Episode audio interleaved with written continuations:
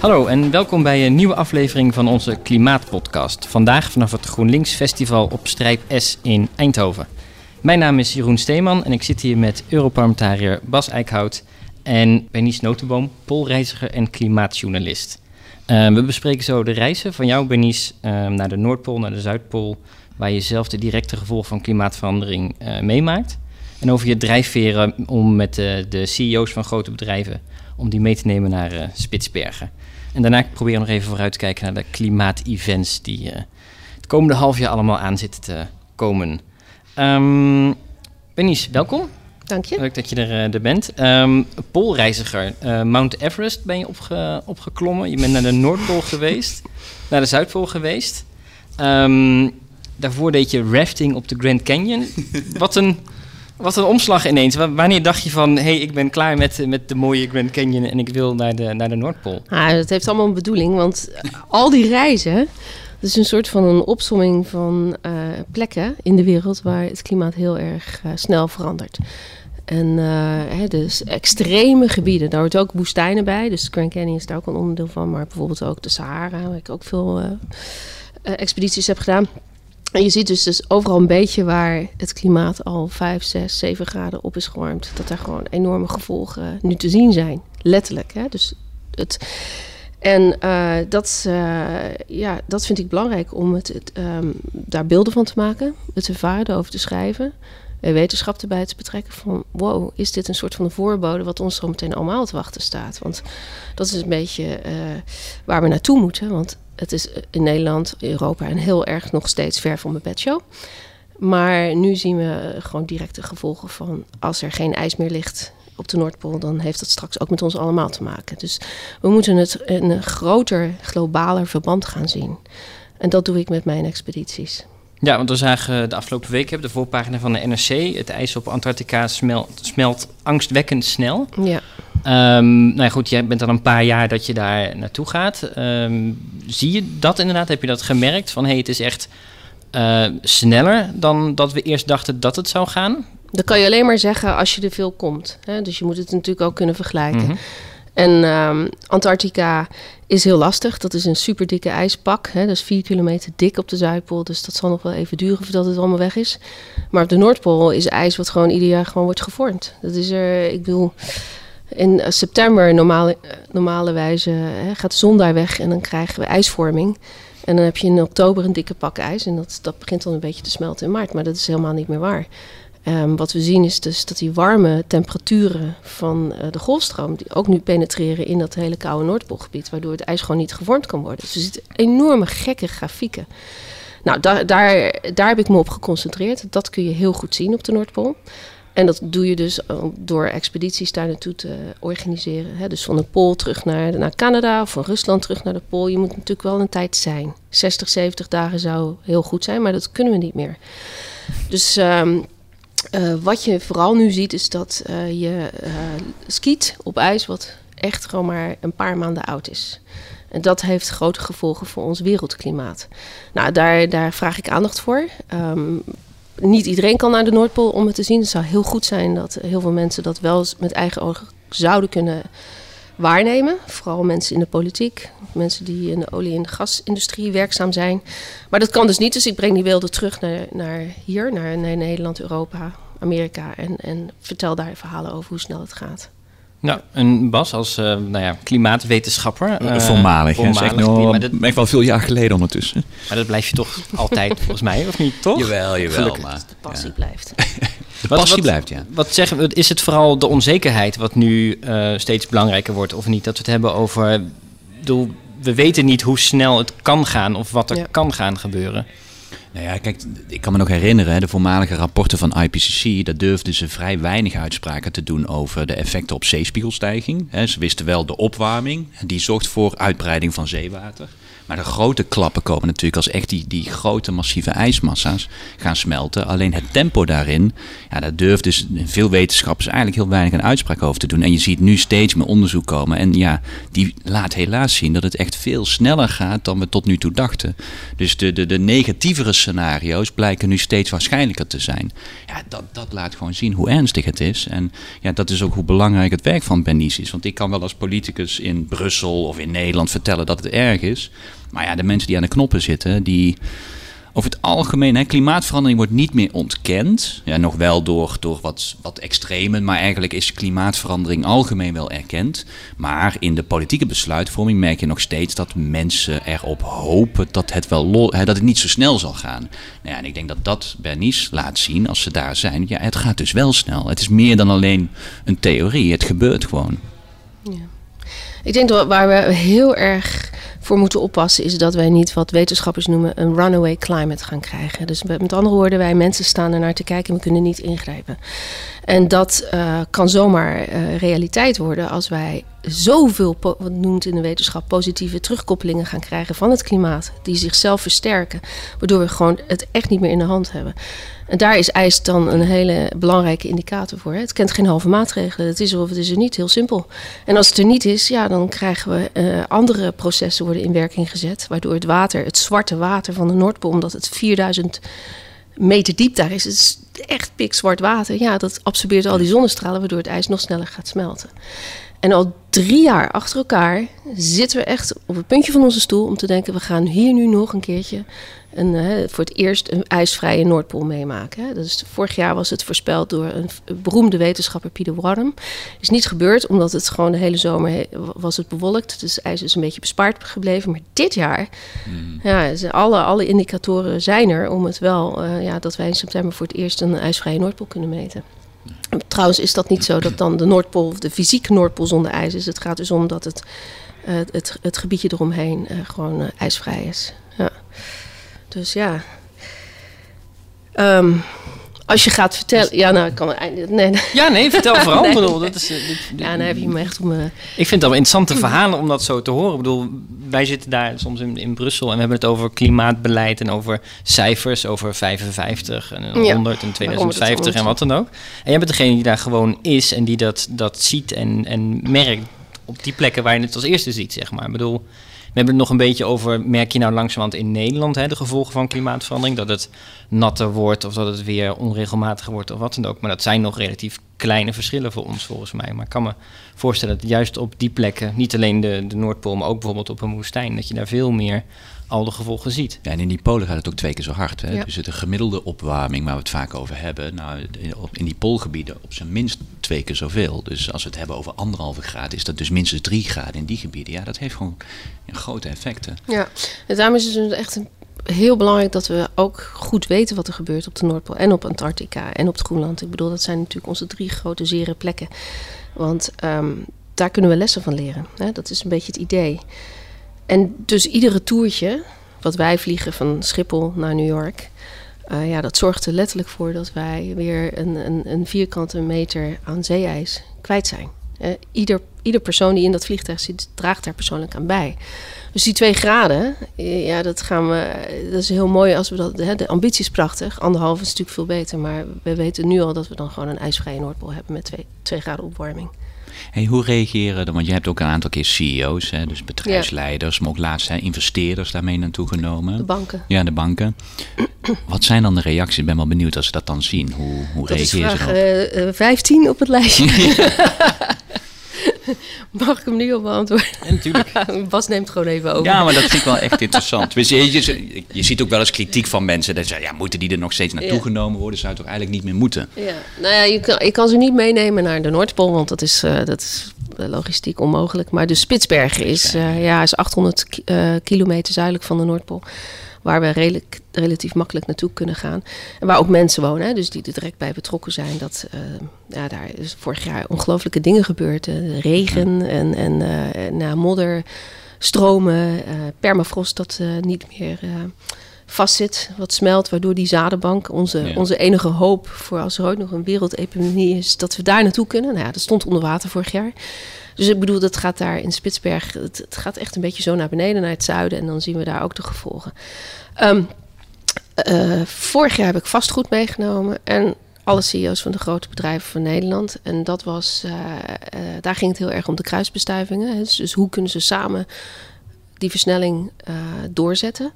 Dus waarom moet iedereen zijn eigen plan trekken? Mm. Waarom zouden er geen allianties kunnen zijn, bijvoorbeeld tussen Renewi, die zich inzet op circulair samenwerking met de NS? De treinen die uh, uitgerangeerd zijn, ja, die vertrekken nu naar de schroothoop. Maar waarom zou je die niet duurzaam kunnen maken? Nou, dat zijn concrete dingen die zijn voortgekomen vorig jaar uit onze Spitsbergen-expeditie. Um, nou, er zijn dus een legio van dat soort voorbeelden. Nou, die werken ze nu uit, maar dus zeg maar eentjes, tweetjes, drietjes, weet je wel. De gasunie samen met een netbeheerder die dan een deal sluiten om Groningen van het gas af te halen. Het niet, was niet echt samen. Mhm. Dit keer, omdat het, we weten gewoon, hoe langer we wachten, hoe meer geld het gaat kosten. Nou, dit keer moet je dus die hele financiële wereld erbij halen. En dat kan alleen maar als ze samen optreden. Nou, het was trekken aan het doodpaard. Ja, echt waar, ja. ja, vond ik wel. Ik vond, uh, ik heb alles... Dus vorig jaar was eigenlijk leuk. Heel makkelijk. Ja. leuker, maar misschien ook nog te vrijblijvend. Dit jaar hebben we al uh, acht inhoudelijke sessies van tevoren georganiseerd. Mhm. Want die banken en de verzekeraars, die zitten ook allerlei platformen, duurzame platformen. Maar wat je dan ziet is dat het te, te, nog te vrijblijvend is. Hè. De urgentie is er niet echt. Ze, willen, ze, ze praten nog heel erg over scenario's, maar hmm. niet van we moeten hier zelf bij betrokken zijn. En op het schip hebben we dat heel anders gedaan. We hebben gezegd van gewoon niet van het schip af voordat er een deal is. Echt Klaar. Hmm. Ja. Ah. Nou, dat hebben we goed gecommuniceerd in de media, dus ze schrokken zich helemaal wezenloos. Was serieus? Oh shit. Dit is niet alleen maar cocktails met ijs, uh, Noordpoolijs erin drinken s'avonds aan de bar. Nee, dit was echt gewoon. En en dat werkte. En we wilden een aantal plannen maken voor de bebouwde omgeving. Uh, uh, die, die financiële mensen um, nou, ook echt zouden kon, kunnen concretiseren. En ze hebben vijf plannen gemaakt. En die worden volgende week, 26 juni, worden ze ingediend bij, uh, voor het Klimaatberaad. Mm. Aan Wiebes en Napels. En, en daar hebben alle banken hun krabbel onder gezet. En dat is dus uh, hoe het kan. Hè? En Dus even terug, hoe was het? Nou, uh, ik voelde me bijna schuldig dat ze niet naar gletsjers gingen kijken en niet naar de wetenschappers wilden luisteren. Dus ze echt op het schip alleen maar te werken met elkaar. En uh, ja, maar wel met het idee van jongens, dit is het. In vier dagen kan het. het is, nou, dat moet jou ook mateloos frustreren bij het Europees Parlement. Het kan dus. Maar je moet wel allemaal dezelfde kant op kijken. En mensen moeten ook echt willen het valt me ook op. In Brussel heb je natuurlijk ook heel veel van die investeerders, bijvoorbeeld pensioenfondsen, die, uh, die, die lobbyen ook in het Europese parlement.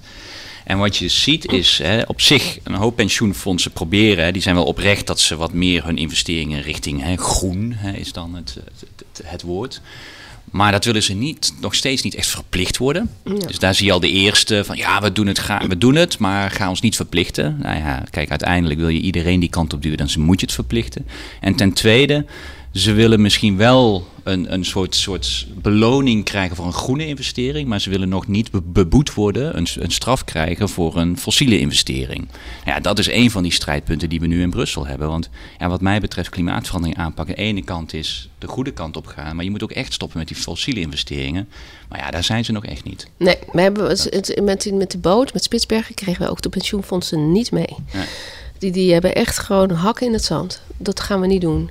Het argument is dan dat ze geen geld kunnen uitgeven van hun uh, uh, burgers, waar ze uh, de, de, de gelden van investeren. En hetzelfde geldt trouwens ook voor de overheid, die hebben we ook niet mee kunnen krijgen. Terwijl ze juist investeren volgens mij voor de toekomst. Als er één, als er één financiële instelling is die een lange termijn doel zou hebben, dan zou het volgens mij de pensioenfondsen moeten zijn. Ja, als je de cijfers ziet, is het echt verontrustend. Gewoon zo is iets van 98% van de investeringen van pensioenfondsen is nog steeds in fossiel. Het is ook onze erfenis. Shell, Gasunie. Ik bedoel, hè, daar moeten we ook eerlijk in zijn.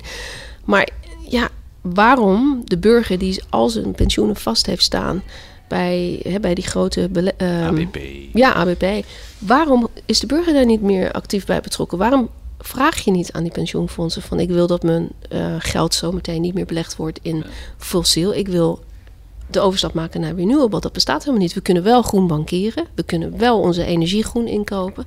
Maar we hebben geen zeggenschap over zo meteen over ons eigen pensioen. Dat vind ik echt een ding hoor. Ja, ja. Nou ja dat initiatief hè, van Follow This, hè, aandeelhouders. Ja, dat is eh, speciaal. Uh, dat is wel mooi bij Shell. En dan, mhm. dan worden ze in ieder geval uitgedaan. Want meestal die aandelenvergaderingen, niemand weet wat daar gebeurt. En nu moeten ze publiekelijk zich uitspreken van ga je, hè, ga je het steunen dat eigenlijk Shell uh, echt Parijs moet implementeren of niet. En dan zie je hoe moeilijk het is. Ja. Dus het lukt steeds meer om, om aandeelhouders, pensioenfondsen, de grotere, dat ze zich dan onthouden van stemming. Nou, het is al heel wat. Is, uh... Ja, en Egon was ook met mij mee ja. op de boot. Die, dat is de, een van, de, van, van dat clubje van Mark van Follow This. Is, zij zijn de grootste investeerder in, uh, in Shell. Hè?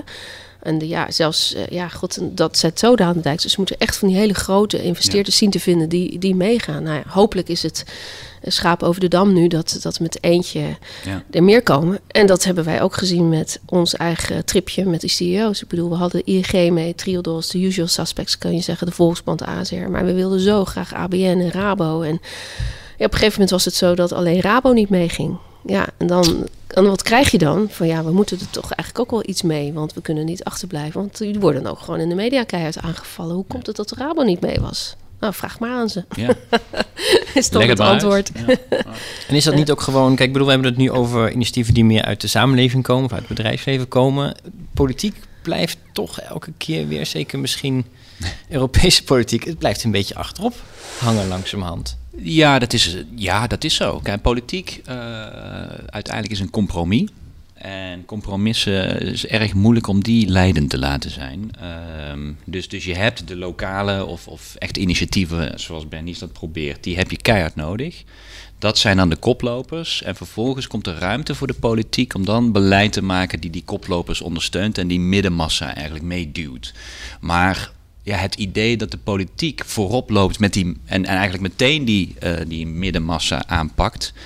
Ja, dat, daarvoor hebben wij Groenen bijvoorbeeld nog steeds geen meerderheid in het Europees parlement. Ja, zo simpel is het. En als die middenmassa het niet wil, ja, dan krijg je gigantische lobby's tegen. Ja, dan zie je veel middenpartijen toch, toch terugschrikken voor, uh, voor, voor beleid. Dus het, het, het resultaat is een compromis. En wij hebben die koplopers nodig om te kunnen laten zien: kijk, het is niet het einde van je bedrijf. Hè? Het is niet het uh, grote werkloosheid, wat natuurlijk heel erg mee geschermd wordt. Nee, kijk, deze bedrijven hebben ook nog vaak, dat zie je bijvoorbeeld aan groene banken, die hebben eigenlijk in die eurocrisis betere rendementen gehaald dan welke andere banken ook. Dus dat laat zien dat je die kant wel degelijk op kan. Nou ja, maar dan kan politiek eigenlijk pas wat. Dus die koplopers heb je politiek gewoon nodig. En dat is jammer. Aan de andere kant, ja, mijn rol is dan maar om ervoor te zorgen dat ik die middenmassa meekrijg, die natuurlijk de grotere massa is uiteindelijk. Maar zonder koplopers kan ik, kan ik niks. Nee. Maar uh, dan heb ik aan jou een vraag, Bas. Ehm, dat mag, dat mag. dus, nou ja, jij zit midden in dat Europa, de politiek van Europa. En wij zijn natuurlijk ongelooflijk nu hard bezig met dat klimaatakkoord in Nederland. Zie jij dit, deze keiharde samenwerking en, en echt gewoon van die, die, die urgentie om het voor elkaar te boksen, hè? dus dat we de prijsdoelen halen. Zie je dat ook bij andere landen? Echt gewoon de verdeling in die, in die tafels en, en met elkaar afspraken maken. Wat, wat... Nou, kijk, die, het is voor ons helemaal niet transparant in Nederland, wat er nee. gebeurt. Nee, kijk, Nederland is natuurlijk heel apart dat we dat weer met klimaattafels doen. Dat is heel Nederlands. Hè? Maar uh, op zich als er iets is veranderd de afgelopen vijf jaar, is dat klimaat nu echt in bijna elk land een hoofdthema aan het worden is. Dus daarmee zie je het echt veranderen. Vroeger was dat toch een beetje een hobby van de groene mensen. Nou, dat is het al lang niet meer. Um, en wat je echt ziet, en dat is ook echt interessant. Ik, ik kom, je doet wel eens van die panels in, bij het bedrijfsleven. En als ik vijf jaar geleden had gezegd, ik had laatst zo'n panel met alle, nou echt de conservatieve auto-industrie aan tafel. Weet je, dat, dat is nou een heerlijke type Duitse auto-industrie met name natuurlijk. Als ik daar vijf jaar geleden aan tafel had gezeten, ik weet niet eens of ze me dan hadden uitgenodigd, maar goed, als ik aan tafel had gezeten en ik had verteld, jongens, jullie moeten in 2050 gewoon bij nul uitstoot zijn, dan was ik waarschijnlijk was ik die zaal uitgeflikkerd. Nu zei ik het, niemand ging er tegenin. Hm. Er is nog wel een hele discussie over. Ja, maar dat kan nog steeds met de verbrandingsmotor. Een beetje schonere diesel. Terwijl ik denk, nou jongens, dat, is echt, dat, dat vraagt echt andere aanpak. Maar ze, ze discussiëren niet meer over die einddoelen. die einddoelen worden steeds meer geaccepteerd. Dus het, het debat verschuift nu meer naar de korte termijn actie. Wat natuurlijk wel heel belangrijk is. Het is leuk om over een einddoel eens te zijn, maar wat doe je dan nu? Mhm. Dus het is nog steeds een hele belangrijke discussie. Maar de houding is wel echt veranderd. Men, men ontkent het niet meer. Men weet waar ze naartoe moeten. Alleen ja, heel veel bedrijven vinden het gewoon eng. Of weten niet wat dat betekent. En die proberen dan toch maar een beetje een trage route te nemen. En daar zit het debat nu in. Van hoe kunnen we zorgen dat ze sneller gaan? Ja, en dan, dan heb je landen nodig. Maar bijvoorbeeld Nederland helpt dan. Maar een land als Frankrijk Ja, loopt echt meer voorop. Het Ja. helpt natuurlijk dat het het Parijsakkoord is. Ik ben altijd voor meer akkoorden in meer steden. Want dan krijg je meer. Ja, dat heel Ja. banaal, maar de Fransen zijn gigantisch klimaatliefhebber geworden door het, klim- door het Parijsakkoord. en de Denen zijn ja. dat dan niet?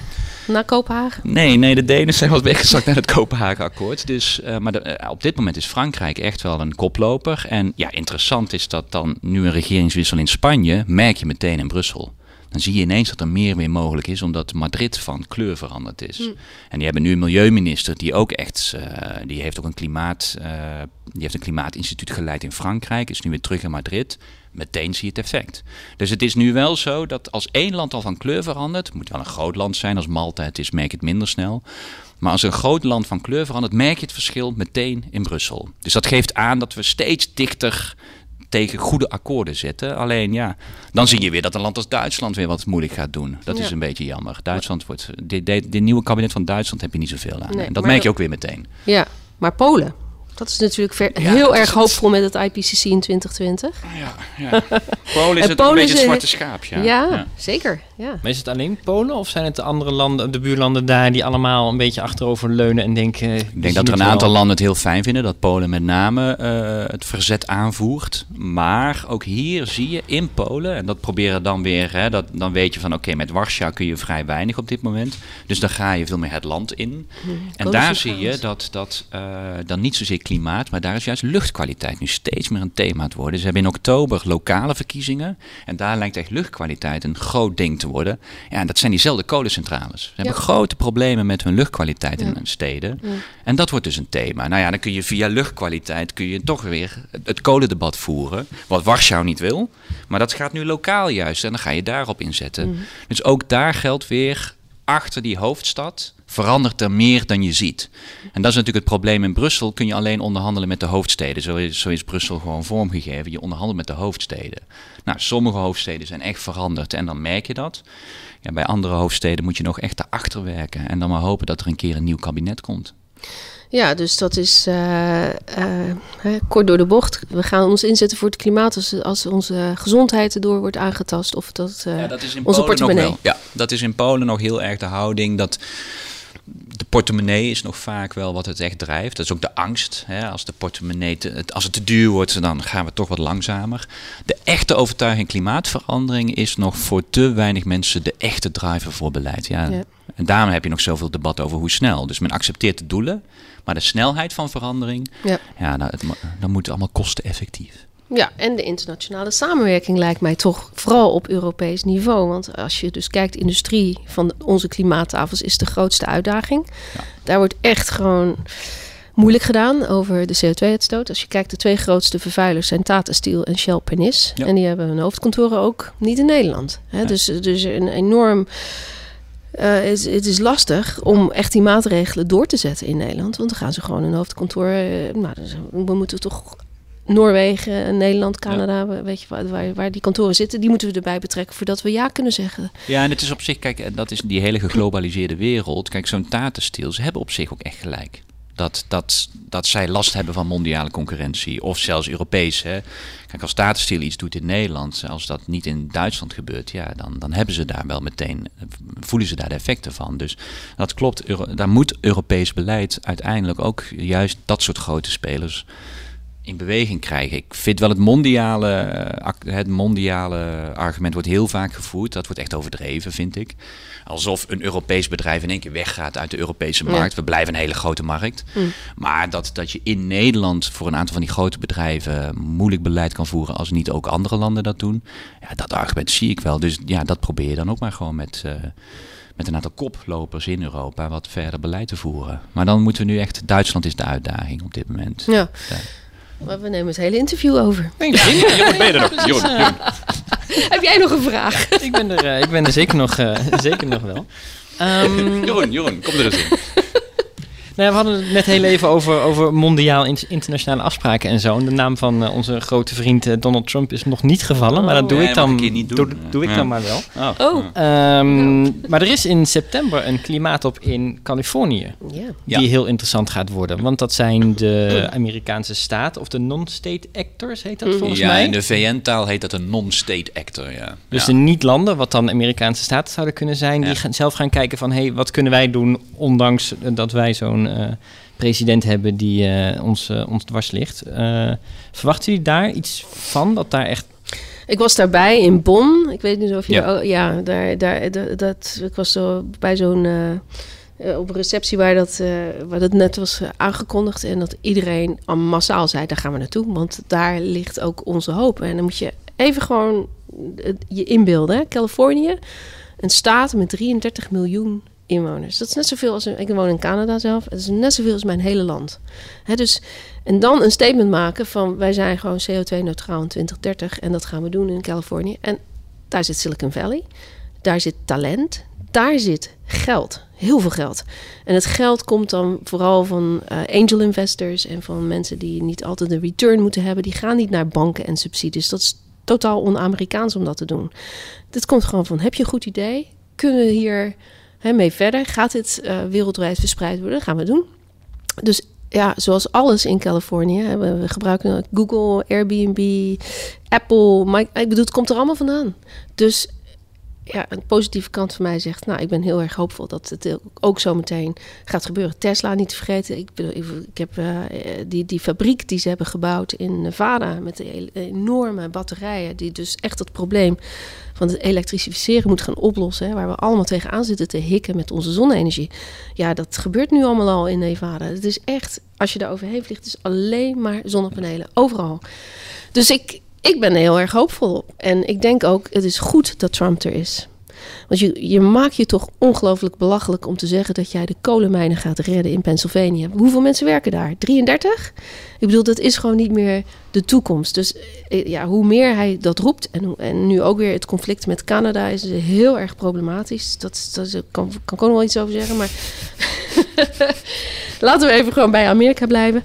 Um, ja, dit is een tegenbeweging. Dus ik vind het geweldig. Dat was waarschijnlijk niet gebeurd als we nog een, een extra... of als we Hillary Clinton in power hebben gehad. Ik weet niet hoe Bas daarover denkt, maar dat is in ieder geval wel mijn insteek. Nou, kijk, wat je ziet bijvoorbeeld in Europa... is dat toen Trump Parijsakkoord opzegde...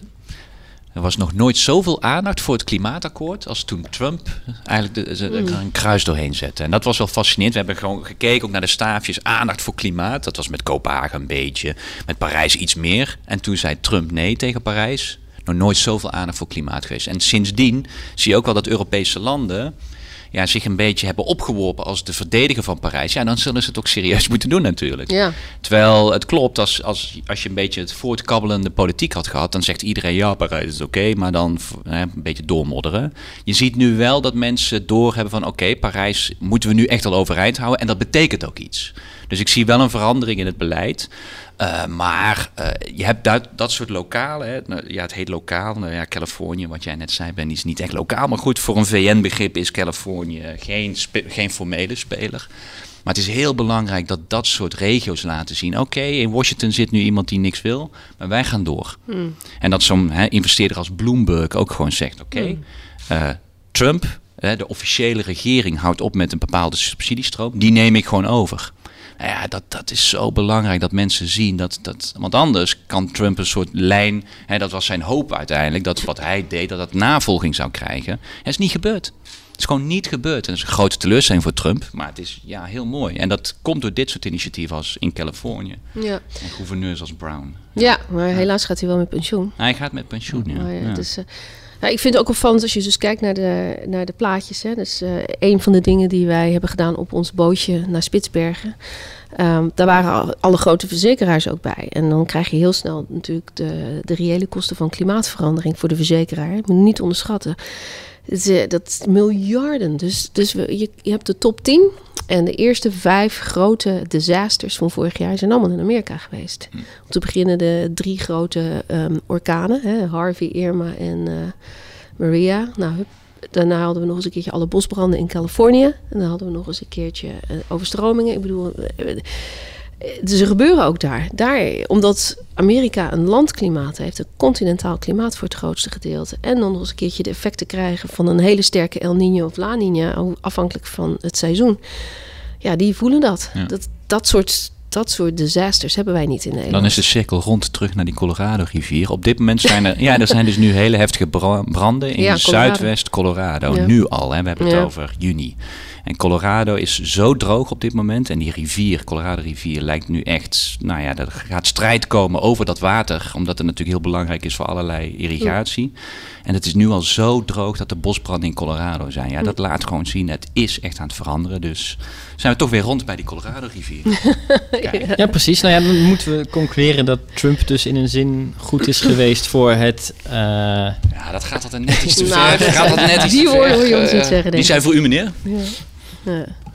Maar uh, ja, goed, maar ik denk, kijk, dat is volgens mij wel de conclusie. Het debat is, helaas zijn de effecten van klimaatverandering nu al zo zichtbaar dat het debat niet meer weggaat en dat een Amerikaanse president dat niet meer weg kan uh, poetsen door een klimaatakkoord te verscheuren. Dat, dat lukt niet meer. Nee, het blijft op de agenda staan, ja, ook in Amerika. Meer dan ooit, dus, ja.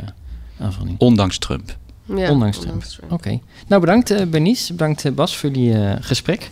Um, we zijn snel weer terug. Ondertussen kun je je abonneren op onze podcast. Dat kan op klimaat.groenlinks.nl slash podcast. Dan krijg je automatisch de volgende podcast weer op je telefoon, zodat je hem kunt, uh, kunt luisteren. We zijn er snel weer, want de agenda die staat uh, vol voor dit uh, najaar. met dus in, najaar, ja. in september die klimaatop in, in Californië. In oktober komt de IPCC met een nieuw rapport over hoe... Wat net gelekt is, bedoel je? Ja. Wat net gelekt is. ja, precies. Dat kan dus nog veranderen, die conclusies. Dus die lek, ja, dat is echt een beetje voorbarig. Moet ook nog goedgekeurd worden. Dat was een, een, voorlopige versie die naar wetenschappers of naar de regering is gestuurd om alvast een check dus te doen. Hè, ja, nu gaan alle regeringen uh, daarop reageren. Nou, dan, in oktober is pas de formele aanname, dus het kan echt nog wel veranderen. Dus, ja. Nou, dat gaan we in de gaten houden. En dan in uh, december de klimaattop in, uh, in Polen, waar we bij uh, Ja, en dat is dan de formele VN-top. In Californië is dus een eigen initiatief, met name van Californië. Precies. Nou, Bas en Benies, dankjewel voor jullie gesprek. Graag gedaan. Graag gedaan.